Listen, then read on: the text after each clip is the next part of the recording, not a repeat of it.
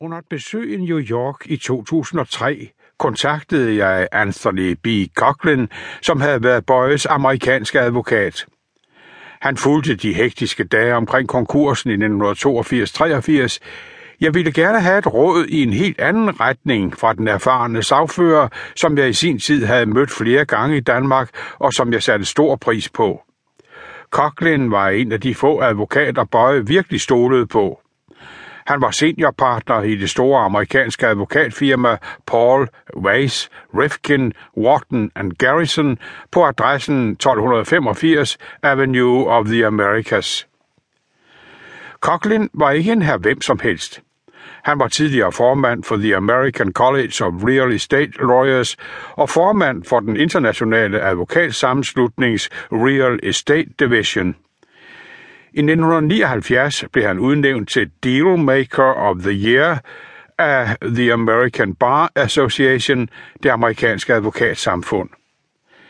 Vi spiste frokost på steakrestauranten Gallagher's på 54. 20. gade, og det Koklin her fortalte mig om sin tid sammen med Bøje, var så hårdrejsende, at jeg bagefter skrev et referat af samtalen på min bærbare computer på mit hotelværelse.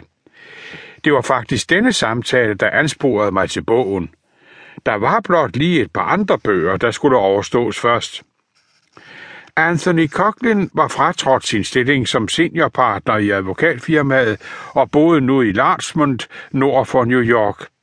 Han underviste som gæsteprofessor på de berømte universiteter Harvard og Columbia, men havde i mange år lidt af sukkersyge på grund af svær overvægt.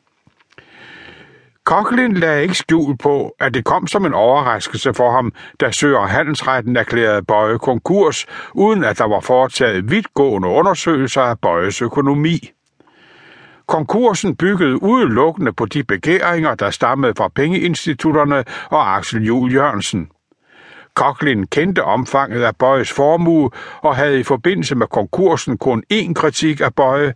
Han skulle aldrig have ophævet betalingsstandsningen da han gjorde det, spillede han initiativet i hænderne på sine fjender, sagde Koklin. Hvilke fjender? spurgte jeg. Først og fremmest Axel Jul Jørgensen. Hvordan han ustraffet kunne bære sig ad med at stjæle hans og Bøjes fælles firma, Dansk Total Entreprise, er mig en gåde. Var noget tilsvarende sket i USA, var han havnet i et forbundsfængsel i mindst 10 år. Jeg havde Axel Jul Jørgensen kraftigt mistænkt for hele vejen igennem at handle i forståelse med Privatbankens direktion eller dele af den.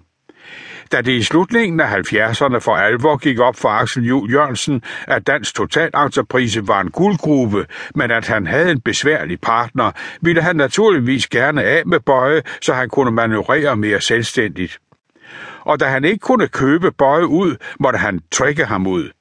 Axel Jul Jørgensen havde skabt sig en eksorbitant livsstil, der kostede, og han havde brug for endnu flere penge. Hvor som helst Axel Jul Jørgensen bevægede sig i bygge- og finanskrise, begyndte han at bagtale Bøje.